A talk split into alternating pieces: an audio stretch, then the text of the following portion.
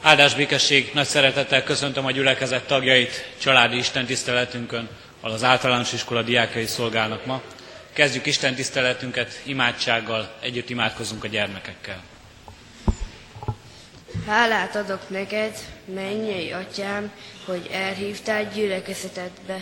Szent lelkeddel légy segítségemre, nyisd meg számad dicséretedre, szívemet igét befogadására. Ámen.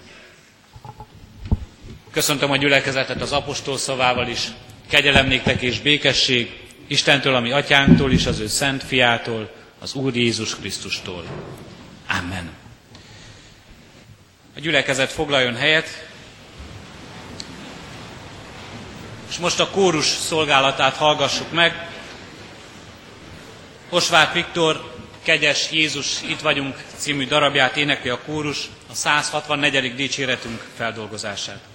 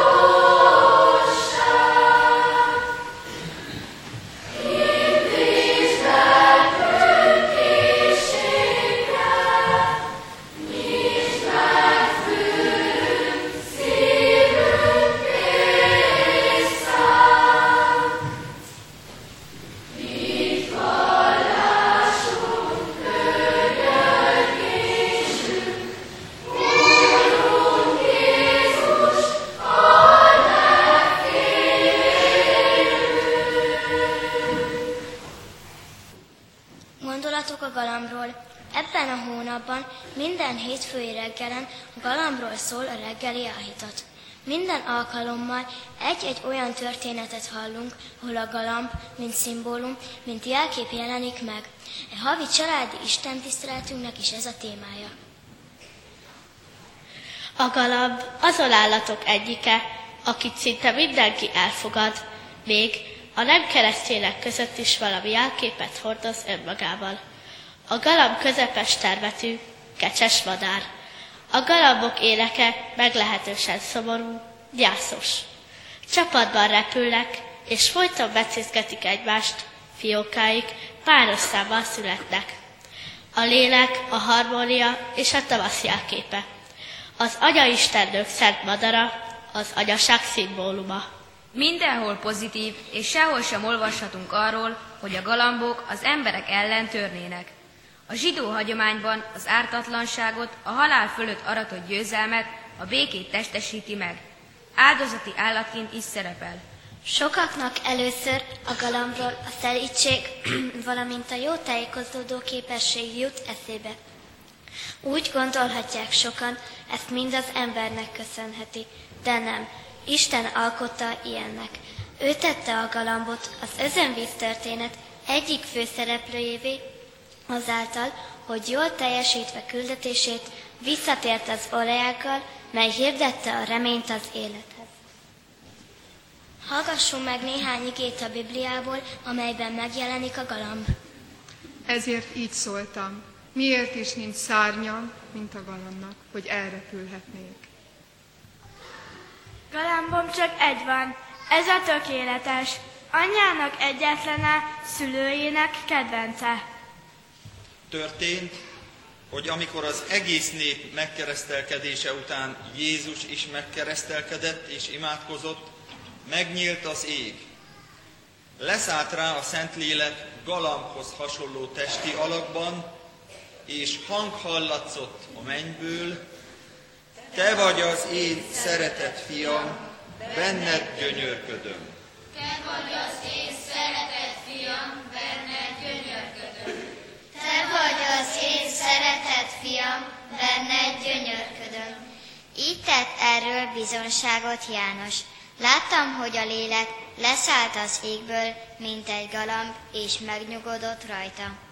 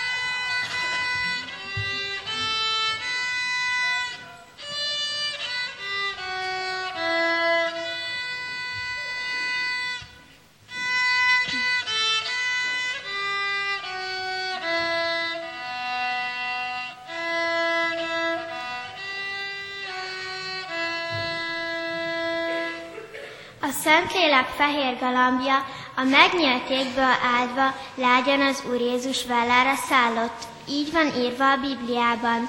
Volt, hogy jött a szent nemző erőként, s jött, mint zúgó szél, égi láng. Mindig azt hozta ajándékul, miben szegény volt a világ. Most is várunk Szentlélek Isten, a világ békéért eped, Fehér galambként jöjj, segíts már megbékélni a népeket. Százmillió küzdenek érte, s mind elszántabban állnak ölt, boldogan szüljön minden asszony, s békésen teremjen a föld. Szállj a világra, óvst vigyázz, hogy vagdű vesztében ne ragadja, segíts győzni a népek vágyát, Szentlélek ég fehér galambja, Repülj galamb az ősi olajággal, mond, Istenünk szívében béke van, nem átkozza többé meg már a földet az emberért. Siess fehér galamb, röppensd a híd a béke fényeit, néptől népig, lélektől lélekig. Repülj galamb, békére vár az ember, békítse meg ki békételen, a drága hírt, hogy távolban, közelben, testvér erő, a béke, kegyelem. Kegyelem és békesség, hal világ, vidd hát galamb, éve az olaján.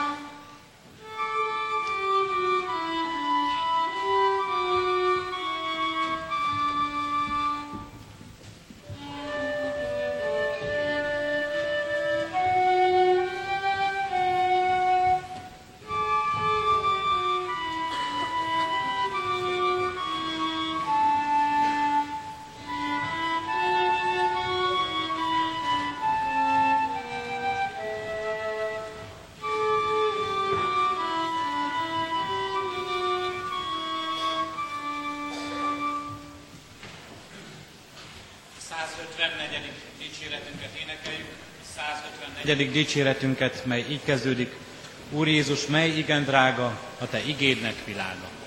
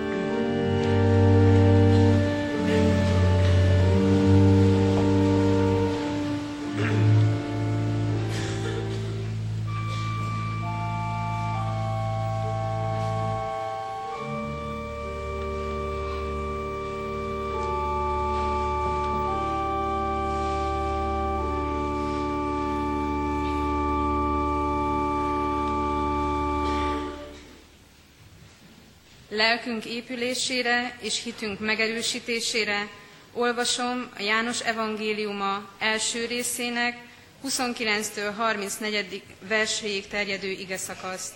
Hallgassátok meg alázatos szívvel és figyelemmel. Másnap János látta Jézust, amint jön felé, és így szólt. Íme, az Isten báránya, aki hordozza a világ bűnét.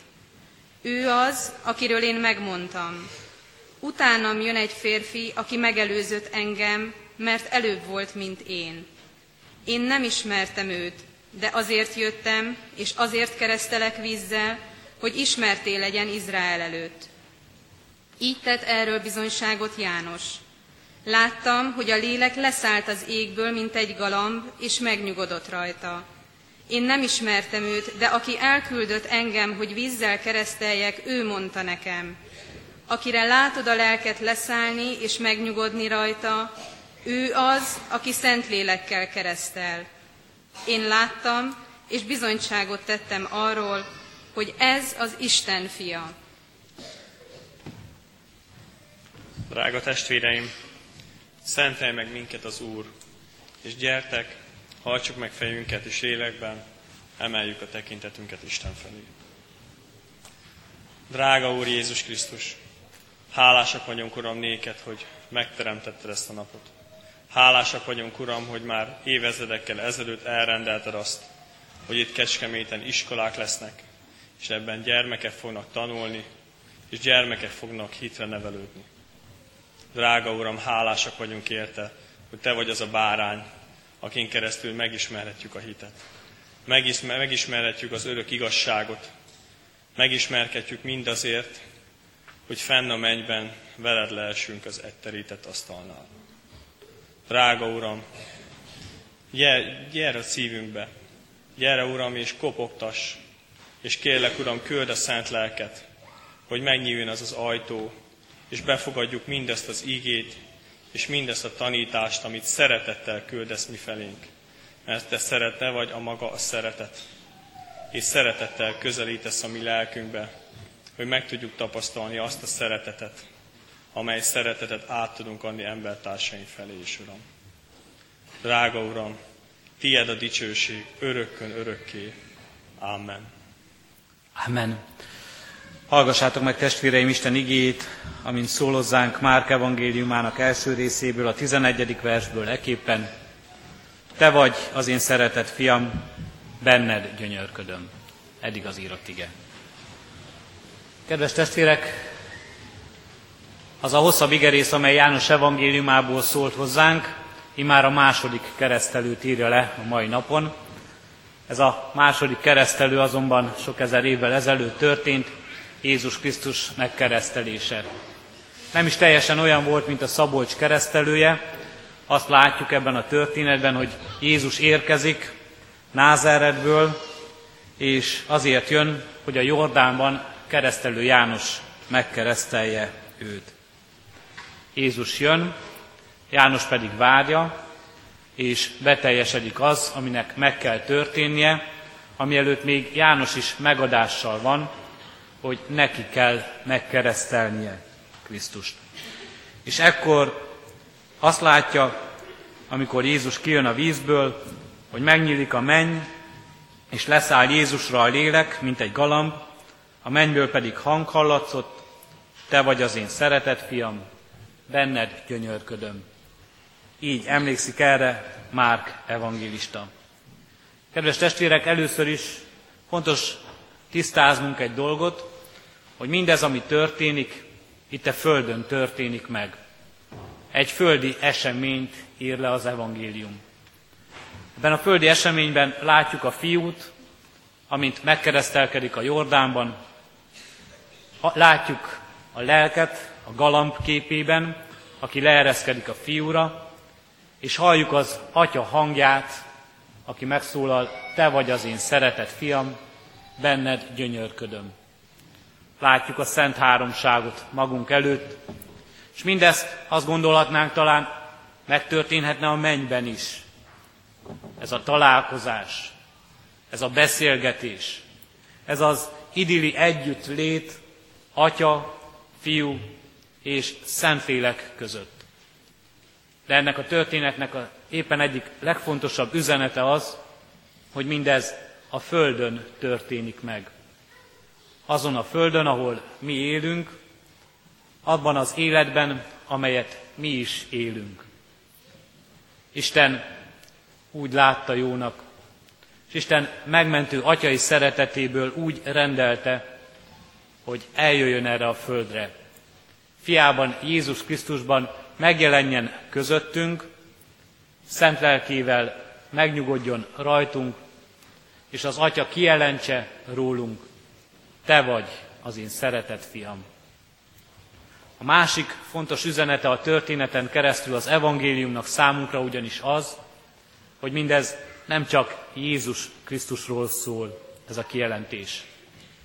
Jézus Krisztus az Atya egyszülött fiának tekintjük. De mégis az evangéliumok arról tesznek bizonyságot, hogy akiket Isten lelke vezérel, azok Istennek fiai, arról tesznek bizonyságot, hogy mi magunk is fiak vagyunk, Jézus Krisztus által Istennek fiai. És ebben a kapcsolatban mi, mint fiak, életünk az atyával közösségben, ebben a kapcsolatban mi is részesei lehetünk annak, hogy megnyílik fölöttünk az ég, a mennyeknek világa, hogy fölöttünk is elhangzik a szózat, te vagy az én szeretett fiam. Fantasztikus érzés, fantasztikus élmény ez mindenkinek, aki ezt átélte, aki ezt átélheti Erről teszünk sokan újra és újra bizonyságot, ebben a gyülekezetben is, és mindenkor az életünkben. Kedves gyermekek, akik itt vagytok szolgálóként, vagy a gyülekezet tagjaiként, most ige hallgatóként.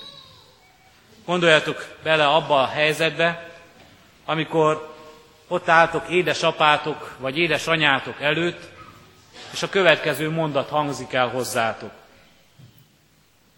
Apa, nagyon büszke rád. Vagy azt halljátok, te vagy anya szeme fénye. Milyen érzés hallani ezeket a mondatokat? Milyen érzés ezt hallani a szülőtől, nagyon büszke vagyok rád. Milyen érzés ezt hallani, te vagy az én életem, te vagy a szemem fénye. Ilyenkor legalábbis, ahogyan visszaemlékszem a gyermekkoromra, és ha ki nem mondottan, de ezt látom ma is szüleim szemében, akkor én magam is úgy érzem, kicsit büszke lehetek magamra.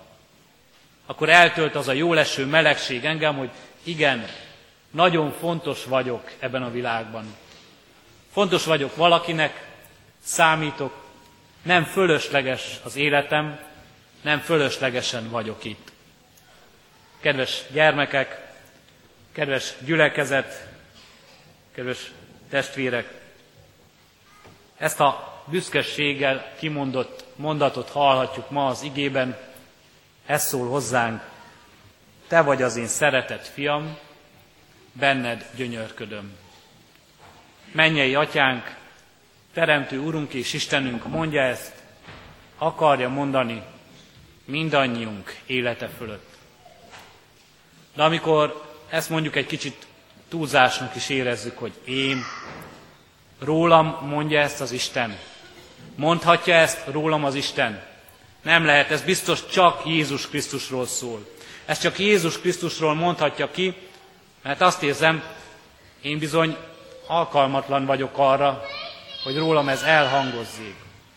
Azt érezzük talán, amit sokszor a szüleinkkel szemben is érzünk, amikor ilyen büszkeséggel nyilatkoznak rólunk, hogy hát, de bezzek, ha tudná. Ha tudná, hogy ma is hogyan viselkedtem az iskolában, ha tudná, hogy mi van beírva az üzenőfüzetembe, ha tudná, hogy mi van beírva az ellenőrzőmbe, talán nem mondana ilyet, hogy apa milyen büszke rád. Nos, kedves testvérek, egy kicsit így állunk meg mindannyian az Isten előtt, ezzel a szemérmességgel, ezzel a picit benső rossz érzéssel, lelkiismert furdalással, hát ha tudná az Isten, hogy milyenek is vagyunk, nem mondaná ezt rólunk, hogy te vagy az én szeretett fiam, benned gyönyörködöm. Kedves testvérek, a jó hír az, hogy Isten tudja, mindent tud rólunk, és mégis mondja, és annak ellenére is mondja, te vagy az én szeretett fiam. És ha a rossz érzésünkön egy kicsit javítani akarnánk, azt szeretnénk, hogy mégse legyen ez ilyen méltatlanul fölöttünk kimondott mondat, akkor itt van előttünk a galamb képe, amelyről a negyedik esek olyan szépen beszámoltak, hogy miben is gyönyörködik az Isten. Gyönyörködik az Isten abban, ha valaki szelíd lelkű, gyönyörködik az Isten abban, ha valaki alázatos, gyönyörködik az Isten abban, ha valaki a lélektől megáldott ember, Isten lelkétől vezérelve él, szól, cselekszik, és vállal felelősséget ebben a világban. Így akar látni minket. És így akarja, hogy mindannyiunk életében igaz legyen, és mindannyiunk életében tudatosuljon a fölöttünk kimondott áldó szava, Te vagy az én szeretett fiam. Szeretlek, fiamban, Jézus Krisztusban, és benned gyönyörködöm. Gyönyörködöm megváltott életedben, gyönyörködöm szabadításodban. Gyönyörködöm, mert velem közösségben vagy. Így legyen mindannyiunké ez az áldás. Így legyünk mindannyian Isten fiai ebben a világban. Amen. Ezért jöjjetek most, imádkozzunk.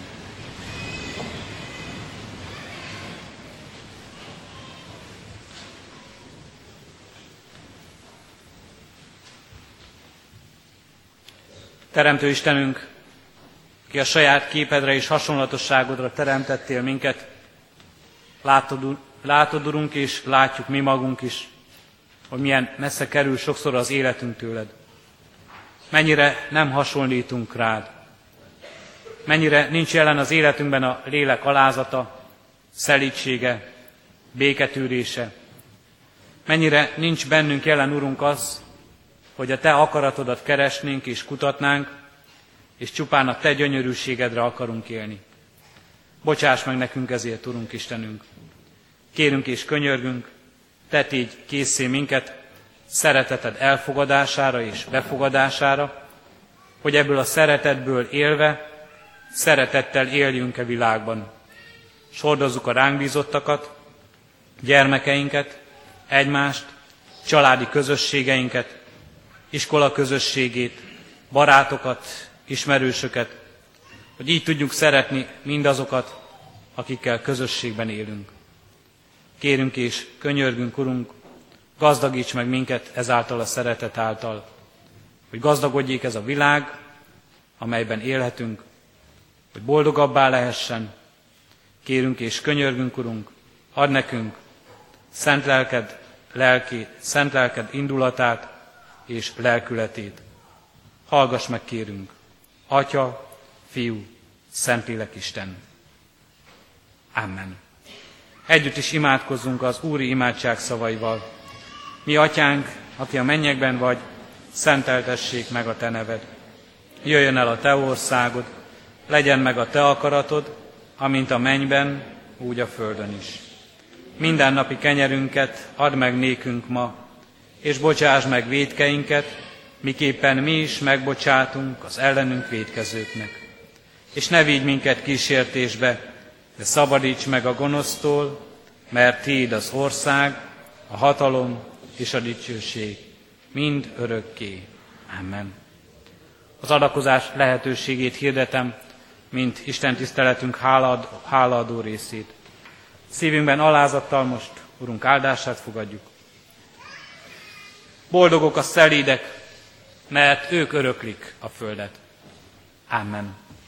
Zárásként a záró imádság elmondása előtt a 225. dicséretünket énekeljük. A 225. dicséretünknek első, hetedik és nyolcadik verseit. Az első vers így kezdődik, nagy hálát adjunk az Atya Istennek.